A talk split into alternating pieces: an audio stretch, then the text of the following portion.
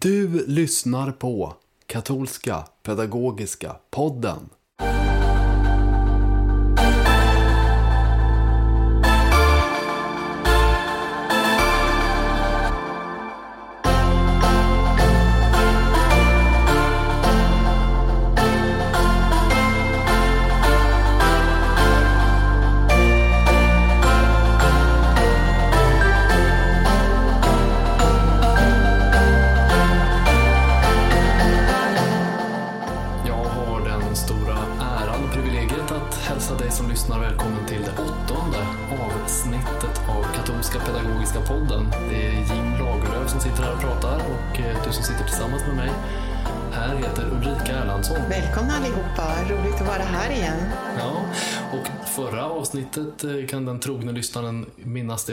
Extra avsnitt med en intervju på engelska med eh, Stephen Wang, fader Stephen Wang, som besökte oss här i Stockholm. Nu blir det, jag vet inte, det här är också ett lite annorlunda avsnitt, för intervjun som vi ska lyssna på senare, eh, det är med dig Ulrika. Hur känns Ja. det att du ska bli intervjuad här? Ja, vi ska höra mer om direktorium för katekes. Ja, och precis. Och det ska bli jättespännande.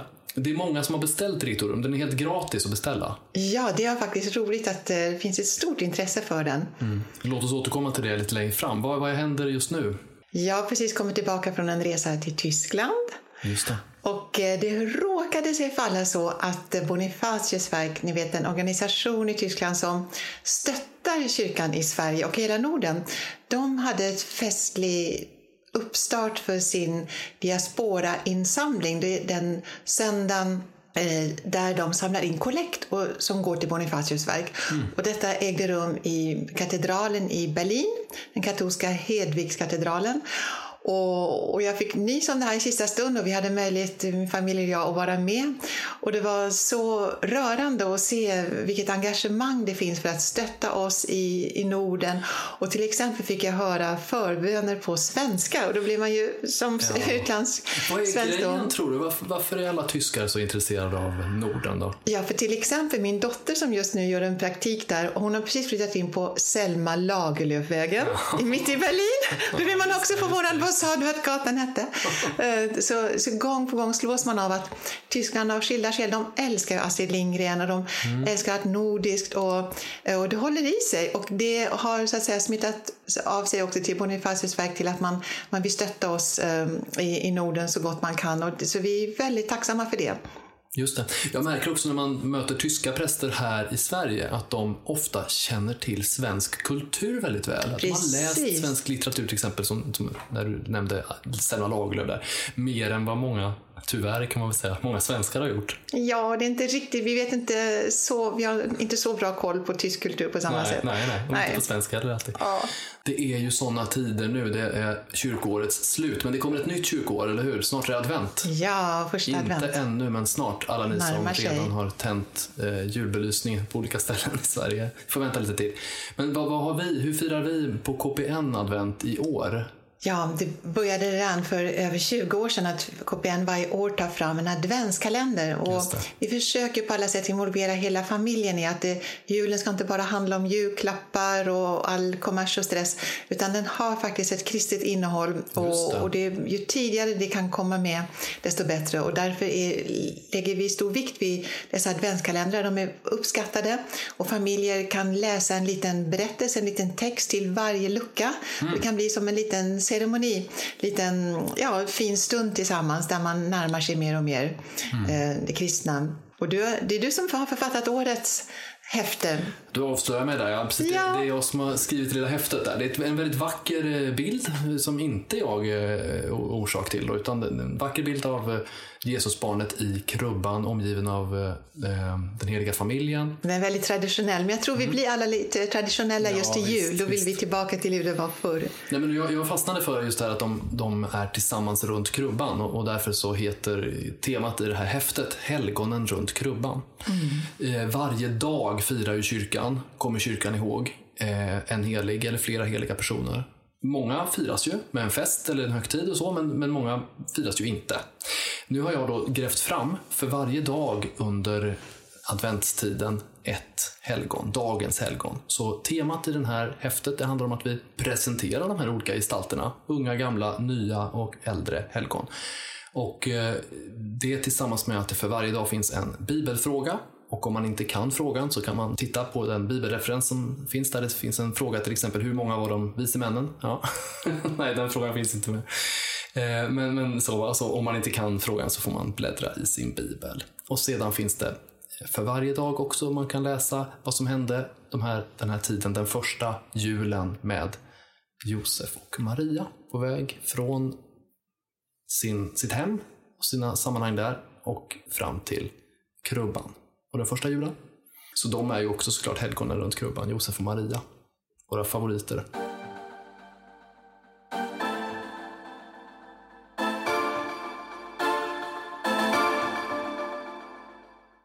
Sitter du eh, stabilt på din stol? Ja, det gör jag. Så ska vi eh, intervjua, nu ska jag intervjua dig Ulrika. Och det har kommit en bok på svenska som heter Direktorium för katekes.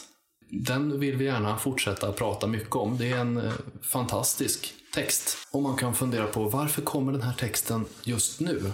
Kyrkan befinner sig lite i en uppbrott. Att, eh, vi har precis haft en synod som biskopssynod, men den fortsätter ju också lite grann att ett nytt sätt att vara kyrka på. Det räcker inte längre att bara eh, präster, eh, ja, kyrkans officiella ledning och så tar ansvar för vad det är att vara kyrka, utan vi alla måste verkligen vara med och bära upp detta.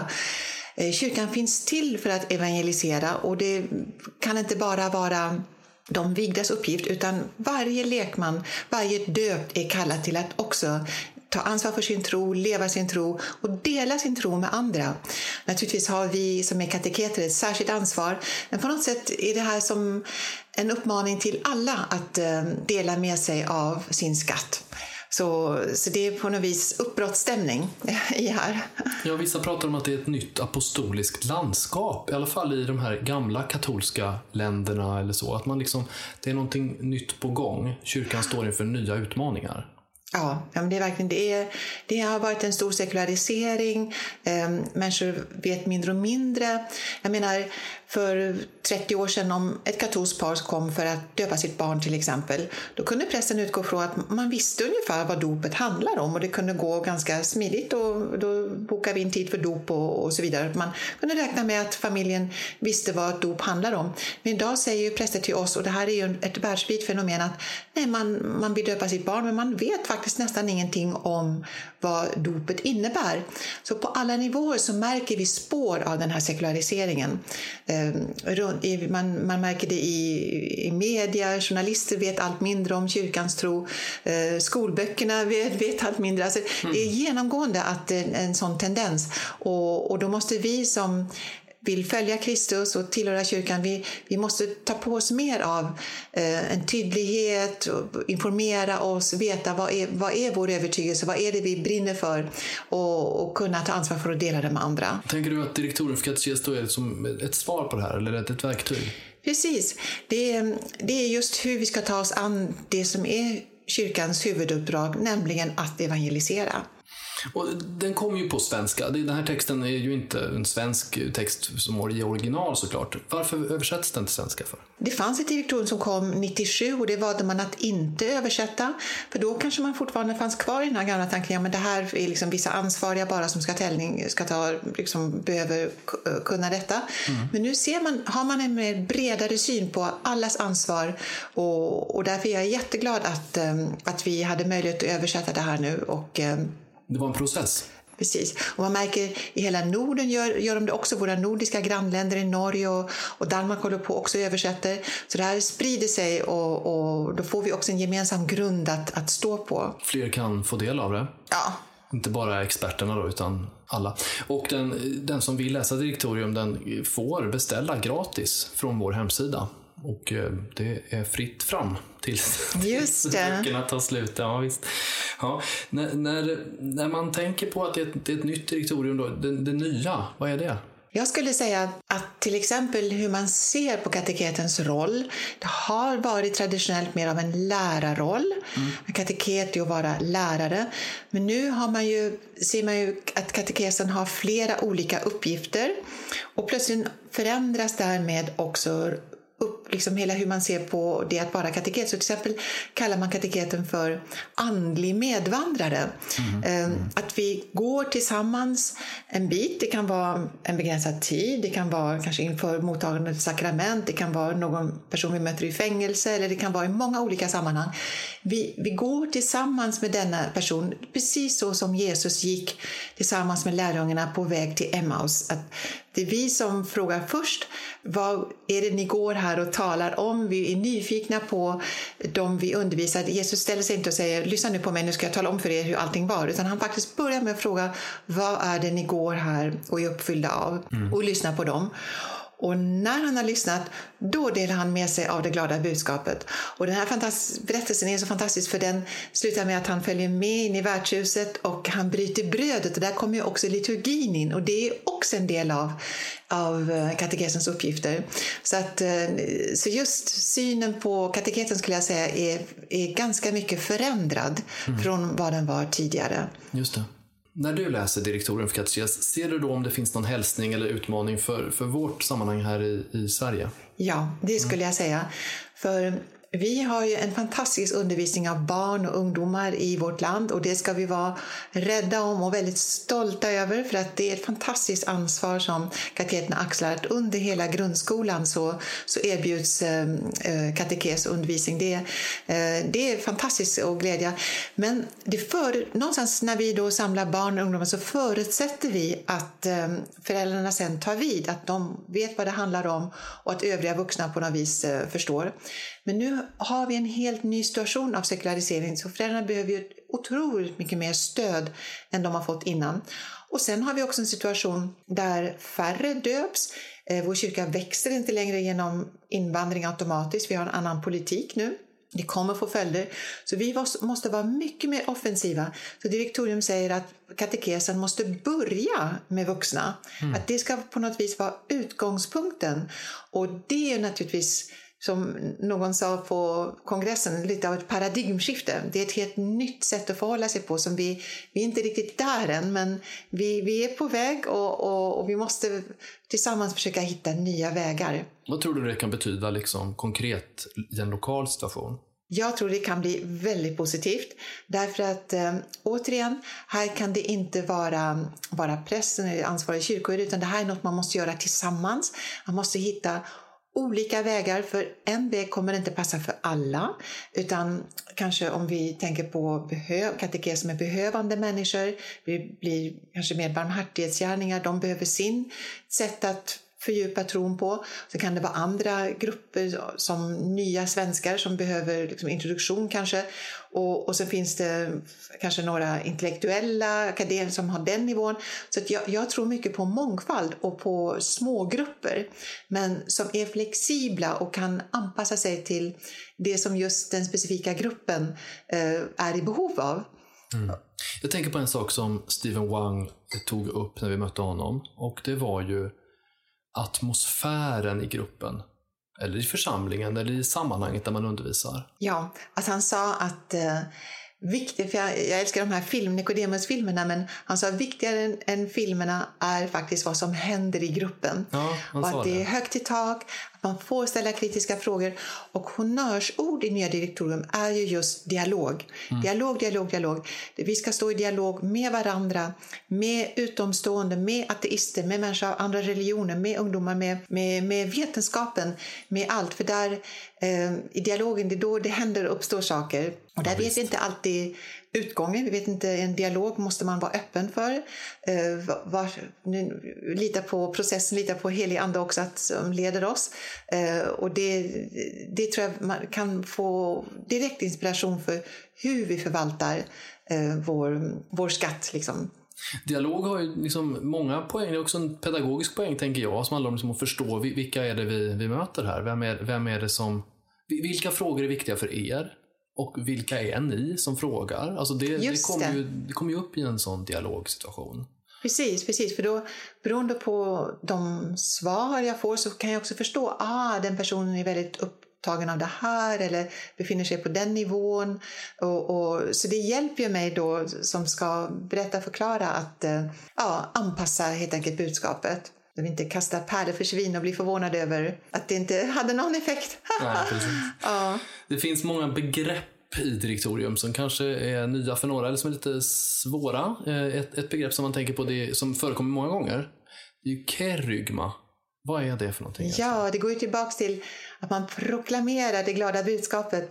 För länge sedan så tänkte man sig kanske att missionären kommer ut och talar om, ja men jag har det glada budskapet om en Gud som har skapat oss, en Kristus som har dött och uppstått för oss och, och kyrkan som finns där för dig.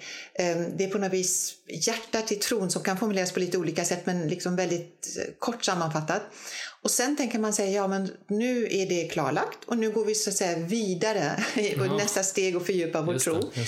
Men direktorium säger, och det var så roligt med fader Steven Wang som är då upphovsman till psykamorfilmerna, att det genomsyrar hans filmer också, att det här glada budskapet måste genomsyra varje samling, det måste genomsyra varje tillfälle. Påskens glädje, varje gång vi firar mässa så beror det ju på uppståndelsens glädje och det som hände där. Och, och det får vi aldrig tappa ur sikte. Och vi som är kateketer, vi märker ju så ofta att oh, men den, den här glädjen, den har gått förlorad någonstans. De, de vet inte ungdomarna eller de vuxna längre var, varför de sitter där. Och, och det här måste upp igen och igen. Så därför säger direktorn att varje kateketiskt tillfälle måste vara uppfyllt av kärigmat, av ah, detta glada kärnbudskap. Kommer det till dig när, när du hör det eller när du läser det? Vad ser du framför dig då? Vad är det man gör då? När man påminner om kerygmat? Jag minns till exempel att eh, om man talar om påsken och, och man får inte upphöra med, med långfredagen. Man får inte säga okej, okay, allting var hemskt där och sen ses vi nästa gång. Nej. Bara som ett väldigt Nej, konkret nej, exempel. nej. Utan det får, det får aldrig upphöra där, utan det måste alltid sluta i att eh, vi har det ondas problem, vi har smärta och lidande, men vi har alltid också hoppet också. Och vad är hoppet för dig och hur kan vi tillsammans upptäcka denna, denna glädje och detta glädjebudskap och, och bekräfta varandra i det och upptäcka just, eh, just hjärtat i, i den kristna pulsen. Man får fråga sig själv kanske som kateket, eh, har jag betonat den kristna grundberättelsen den här gången? När man som en utvärderingsfråga till sig själv. Och om man märker att nej, idag, idag var det inte så mycket eh, om, om det mest centrala av allt. Ja, borde det varit mer? Ja. Ja, ja just det. För att det står ju också direkt om all katekes ska ske i glädje. Och, så, och det hänger ju ihop med det här kerygma, att att det ska vara en underton av glädje i, i allt vi gör. Det är det glada budskapet. I katekesen, och det här har ju vi på KPN försökt gestalta på olika sätt. Vi gjorde ju ett vackert pussel till eh, kongressen som alla deltagare fick. Det är någonting som heter då katekesens fem uppgifter. Vad är det för någonting? Ja, men framförallt måste man först också ha målet. Viktorium är väldigt Kristuscentrerat och katekesen är Kristuscentrerad. Så målet är ju gemenskap med Jesus Kristus. Eh, Det, det är på något vis huvudmålet. Och eh, sen identifierar man fem uppgifter. Vi berättar om Jesus, fira liturgin, älska din nästa, be och bygga gemenskap. Och det är intressant att man säger att alla dessa fem är lika viktiga. För det är det som också då får konsekvenser för min uppgift och kallelse och roll som kateket. Att eh, det är inte bara den som berättar utan också den som leder in i en levande liturgi, som älskar din nästa. Där till exempel säger man ju att barmhärtighetsgärningar i sig är en katekes. Det är också väldigt starkt uttryckt. Ehm, bönen, som jag, då tänker jag ju spontant också på den personliga relationen till Jesus Kristus som måste få bli levande i min bön. Och det är jätte, jätteviktiga bygggemenskap. För Det visar ju alla undersökningar också. Man frågar konfirmander, oj, är ni kvar? Efter konfirmationen. Vad hoppsan, Var, varför just ni kvar? Ja. Och då, då säger ju väldigt många, ja men det är sån fin gemenskap här. Det är, Ja, jag har mina vänner här. Och, och Sofie, ja jag tänker, Gud blev människa för att han ville ha den här gemenskapen med oss. Det, är- det är en del av treenigheten att vi är gemenskap. Så det är inte bara ett, ett, ett dålig grund för att jag är kvar i kyrkan. Utan tvärtom, jag tror vi är gjorda för gemenskap. Vi behöver varandra och vi behöver ha omsorg om varandra i församlingen också och bygga en församling där gemenskap kan växa. Och det är ju, kan man väl säga då, det är ju gemenskap utifrån att Gud är en gemenskap. Ja, det är en del av vad det är, innebär att vara människa. Vi är Guds avbild och avbild till en treenig Gud. Mm. Du, så det är fem uppgifter. Berätta om Jesus, vad, vad innebär det? Ja, men det är just det här att, att inte behålla min skatt för mig själv utan eh, dela med den med andra och, och naturligtvis gå tillbaka till alla källor vi har. Eh, Bibeln, trad kyrkans tradition, vad helgonens vittnesbörd nämns här, eh, lärobetet naturligtvis. Och eh, en av skönhetens källor som jag tycker gjorde mig väldigt glad, det är ju det här skönhetens väg. Mm. Låt oss prata lite mer om det om en liten stund då. Ja, så, ja. absolut. så fortsätter vi. Den andra uppgiften handlade, för att berätta om Jesus, det kan man väl säga, det var många tänker är katekes, eller hur? Ja. Information. Under, någon som pratar, någon som berättar. Men det är mer än det va? Ja, verkligen.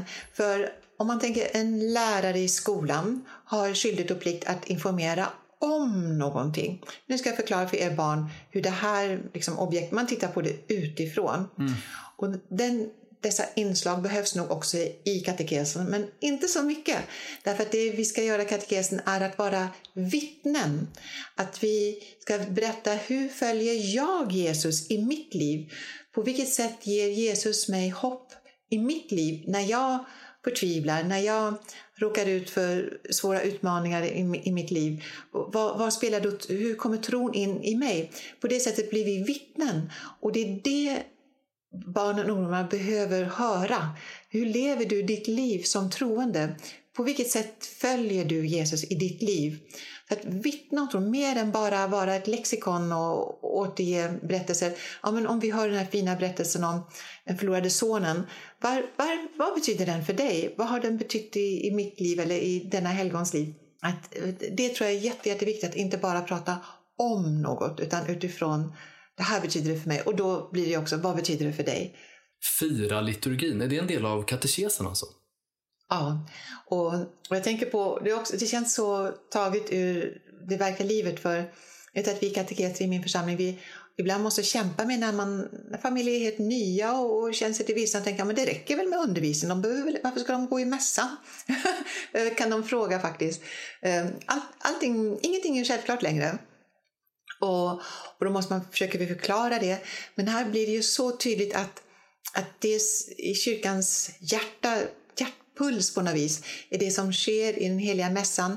Det är där vi kommer i kontakt med, med det som är kyrkans mysterium och innersta väsen.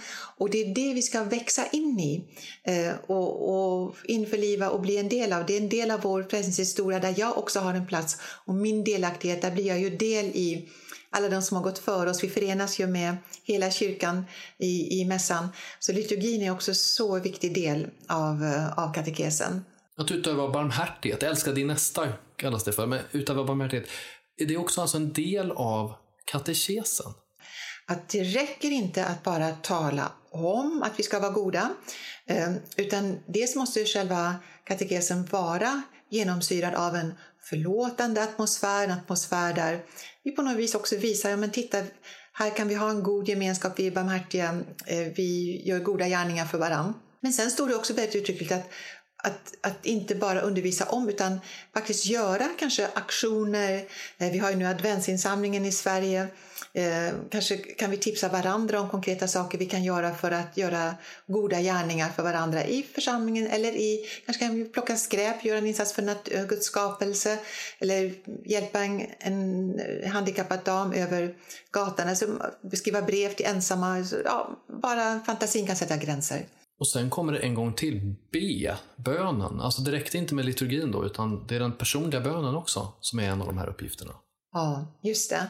Att, ehm, att i vårt inre där, där finns någonstans en längtan efter Gud nedlagt och i bönen så, så bjuds jag in till att komma i dialog med, med vår Herre, med den treeniga guden. Och, och, att väcka det här, att lära sig de fasta bönerna men också väcka den spontana, personliga, djupt personliga bönen. Eller det kan också vara i form av stillhet, meditation, låta ikonen bara titta på mig som jag gjorde med min grupp faktiskt bara för ett par veckor sedan. Eh, de, då hade de inte tänkt på förut man kan eh, bara låta ikonen se dig och det blir en sorts tyst bön eller en bön i rörelser. Det finns ju många sätt också att, att be. Och detta att bygga gemenskap, det var vi inne på allra först. Så då vill jag eh, fortsätta fråga dig om andra begrepp som jag hittar när jag, när jag tittar i direktorium. Det finns något som kallas för skönhetens väg. Du, du nämnde det alldeles förut. Vad är, mm. vad är skönhetens väg? Det är just det här eh, att bland alla dessa källor, eh, Bibeln, traditionen, lärometet, helgonen, så plötsligt kommer man till även skönhetens väg. Och det här är ju en gammal tanke som går tillbaka till Platon, det sköna, det goda och det sanna. Och här finns, här finns tanken att all skönhet är skapad av Gud. När jag låter mig beröras av skönhet så blir jag någonstans berörd av det transcendenta. Då finns ett gudomligt upphov till, till skönhet. Jag tycker det är en så vacker tanke. Och den tanken hjälper oss också att komma bort från trons intellektualisering. Att ibland leker vi med tanken att allt går att uttrycka i ord. Och det gör det inte, säger direktorn, utan vi kan behöva konsten, bilder, film, musik, ehm, dans, teater, rörelse som kan sätta oss i förbindelse. Och skönhet kan ju också vara att jag ser på... Jag, jag kan ju drabbas av skönhet. Eh, även eh, nu är det en regnig novemberdag här ute. Jag kan se kanske en, en gatusten som, som bara väcker någonting i mig. Eller en lidande Kristus. Och... Ja, men vänta nu. Många skulle väl säga att en lidande Kristus just inte, han är inte vacker va? Det är väl en väldigt hemsk, ganska otäck Ja. Är, det, är det verkligen vacker där, tycker du? Ja, men, för man ska akta sig från att definiera. Det är ju inte någon ytlig skönhet som kanske reklambranschen intresserar sig för. Utan det är en skönhet som skapar resonans, som, ska, som berör mig. Och när jag ser Kristus, ehm, och också den lidande Kristus, så kan det träffa mig som ett styng i hjärtat. Och, och, och jag kan komma i beröring med någonting, en helighet, med, med någonting djupare. Mm. Och där finns också en skönhet. Ehm, så ja, det, det är skönhet på ett djupare plan. Mm. Och jag tycker det är fantastiskt fint. Ehm, jag vet att eh, biskop Barron i USA, som är känd för många, han säger så fint också, som en följd av det här, säger han att Kanske när vi träffar någon så kanske inte det första vi ska säga nu ska jag tala om sanning för dig eller nu ska jag tala om hur du ska leva ditt liv. Men istället ja. kanske vi kan fråga vad är skönhet för dig? Mm. Och, och, och där komma i dialog och upptäcka liksom, ja, en, en annan ingång till mm. de stora mm. frågorna. Så skönhetens väg är en viktig sak i direktorium. En annan sak som jag hittar på många ställen, och det, det står om det ofta, fast på lite olika sätt, då, det handlar om, vad kan vi kalla det för, omvärldsanalys. Ja. Varför är det viktigt då? Ja, men det är otroligt viktigt, för att inte minst i vår tid av omvälvningar. Vi, direktören talar också om digitalisering, globalisering. Det är så många processer som pågår runt oss. Det kommer nya generationer som har nya sätt att kommunicera. Och var står kyrkan i allt detta? Och vi behöver lära känna vår samtid. Hur kommunicerar jag med människor i Sverige just idag och med ungdomar, med vuxna? människor i, i fängelser. Hur, hur, ja, hur når jag ut? Och då behöver vi förstå vår, vår omvärld. Och här uppmuntrar man ju till att ta nytta av eh, sociologin eller ja, olika vetenskaper, kommunikationsvetenskap. Eh, helt enkelt för att se vad, vad händer runt oss. Eh, tidens tecken talar man ju också om, både i Andra Vatikankonciliet men också ja, i, i kyrkan idag. Så det, det tror jag vi ständigt måste fråga oss. Ja, men verkligen, du, som pedagog är det väl också så att man vill, man vill förstå vilka man talar till, som vi talade om förut. Och vilken omvärld, vad, vad, vad talar människor om? Eller vad, vad, har de för utgångspunkter, frågor, idéer, tankar? Alltså, till vilket samhälle är vi sända, om man, om man får säga så? Så jag tänker också på Jesus som går där på väg till Emmaus och frågar vad är det ni går här och pratar om? Det är en omvärldsanalys också, mm. om någon. Mm. Nu har vi pratat en liten stund om direktorium för katekes och eh, hela tiden som vi har jobbat tillsammans, två och ett halvt år eh, börjar det bli nu då, då har du, den här boken har varit väldigt viktig för dig personligen känns det som. Vad, vad har du för personliga, liksom, vad har du för känsla för direktorium för katekes? Vad tycker du om den här boken? Jag tycker det är fantastiskt för att den är verkligen ett svar på alla mina utmaningar i evangelisationen, i katekesen. Jag tycker den eh, förhåller sig till vår tids utmaningar och bjuder in till Ehm, ja, just det här medvandrandet. Jag tycker den har så många punkter där jag har lätt att knyta an. Att eh, det vi kämpar med här, det är verkligen eh, hur, ehm, ja, hur vi ska bemöta det. För jag märker också att det, vi, vi, kan inte bara köra på som vi har gjort i gamla hjulspår. Vi är tvungna att på nytt, på nytt fråga oss hur gör vi det på bästa sätt i vår tid med vår tids utmaningar. Mm. Och att direktorn verkligen vill bjuda in till det också. Så jag, jag blev verkligen riktigt, riktigt glad när jag fick läsa texten och har jobbat med, och när jag har jobbat med översättning och, och då tränger man djupare in i det. Och, och jag tänker, ja men här, här finns verkligen mycket skatter. Och, Vad tror du att direktorn för katekes kommer få betyda nu när det sprids och fler kan läsa det och ta del av det? Jo, men jag, jag, tror verkligen att eh, det kommer bjuda in till att vara lite mer kreativ i, i hur vi ser på katekesen. Att eh, bevara det goda vi har byggt upp, det ska vi vara rädda om. Eh, men samtidigt bli kanske lite mer modiga i hur vi, men hur, vi kanske kan testa det här. Jag märkte till exempel under pandemin att eh, då hade, ställdes vi inför en nödsituation. Vi kunde inte göra som vi hade brukat och plötsligt poppade det upp. Ja, men vi kanske ska testa så här, vi kanske ska testa så här. Att det, det dök upp liksom lite nya sätt.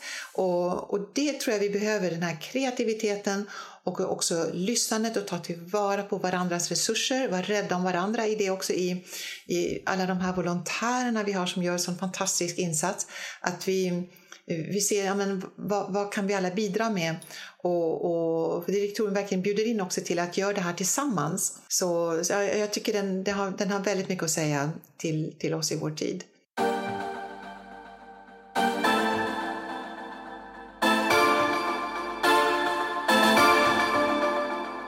Och boktipset den här gången det är Direktorium Katekes. Jaha, ja. Och, ja, precis. Gå in på vår hemsida, kpn.se.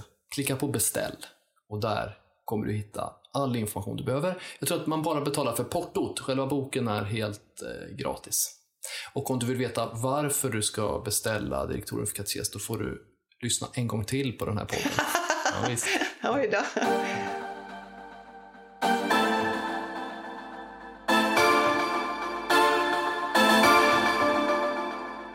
Frågan den här avsnittet, avsnitt 8, det är, och den här har jag fått ganska nyligen, eh, varför tar det så lång tid att bli katolik?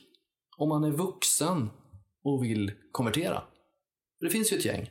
Och den här personen som frågade mig det, han, han menade liksom att det där kanske hindrar folk från att bli katoliker till och med. Att det tar så lång tid. Vissa församlingar säger så här, ja du måste gå en kurs, det tar två år. Och andra mm. kanske ett år.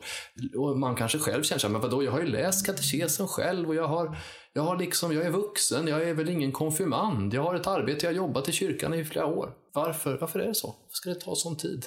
Just det här som direktionen lyfter fram också, att tron är så mycket mer än bara kunskaper. Mm. Det är faktiskt också att komma in i en konkret församling. Det finns också erfarenheter av eh, konvertiter som har blivit upptagna lite snabbt och som sen tyvärr också lämnar lite snabbt. Ja. Eh, för man, det är kanske en spännande intensiv period att, lära känna. Man kanske sitter i ett ensamt samtal med prästen. Men, men sen har man inte kommit in i kyrkans gemenskap. Så därför, och det tar ju Dyktom också upp väldigt ofta, eh, som modell då, mm. där, där man tar en hel process, man är en liten grupp och man, man förbereder sig tillsammans. Eh, för det är också att lära sig ett annat sorts liv. Så det, det, det måste få ta tid. Just det, jag tänker på att när man vill bli, om man vill bli jude, då går man kanske till en rabbin och så frågar man, skulle jag kunna få bli del i den här gemenskapen, bli jude? Mm. Och då tror jag att det finns en judisk tradition att rabbinen tre gånger ska avvisa den här personen. Ja. Just för att testa. Ja. Är det här på riktigt? För ett avvisande kan ju verkligen ställa saker och ting upp och ner. Ja. De sa nej till mig. De ville inte. De, de, tyckte inte jag var mogen eller jag var inte redo eller beredd eller de trodde inte på mig riktigt, mina intentioner. Men om man, då kommer, om man då går igenom den här processen inom sig själv, som kan ju vara ganska smärtsam, jobbig. Jaha, måste jag liksom ta ställning till, vem, ska jag inte göra detta? Vad är det? Om man ändå kommer fram till, jo men jag ska det, jag vill det. Då frågar jag igen. Och kommer mm. jag bli avvisad igen? Det är klart att det måste ju vara fruktansvärt jobbigt. Jag menar Jesus faller tre gånger när han är på väg till eh, Golgata och sådär. Ah. Så det är tufft. Ah. Att, att bli avvisad eller att någon säger nej. Jag minns ju någon gång när jag trodde ju länge att jag skulle inte gifta mig utan leva i, kanske gå i kloster eller så. Och då minns jag att jag pratade med en, en präst, en katolsk präst, eh, om det och då sa han så här, det finns ingenting i det du berättar Jim som tyder på att du ska leva i celibat. jag blev så okay. fruktansvärt arg och irriterad på det. Eh, sen var det ju rätt. Va? Jag är ju gift idag, jag har två barn. Men, men, och det, tack gode gud för det. Men, men just det här att, att, få någon som skakar om en. En vuxen som säger till en annan vuxen. Det är vi så ovana vid i Sverige. Men någon som säger nej, jag tror att du har fel. Det är vi så ovana vid. Eller att någon säger så här, jag kräver någonting av dig. Jag ställer ett krav på dig. Eh, och jag menar, det, jag förstår om människor tycker det är en lång tid, men ta vara på den tiden. För, för, oss, jag menar, jag var präst innan jag blev katolik. Präst i lutherska Svenska kyrkan. Eh, och jag hade läst teologi och katekesen flera gånger. Eh, så jag skulle säga att eh, om någon hade frågat mig, då skulle jag säga att jag känner till den katolska tron väldigt väl. Eh, redan, redan då.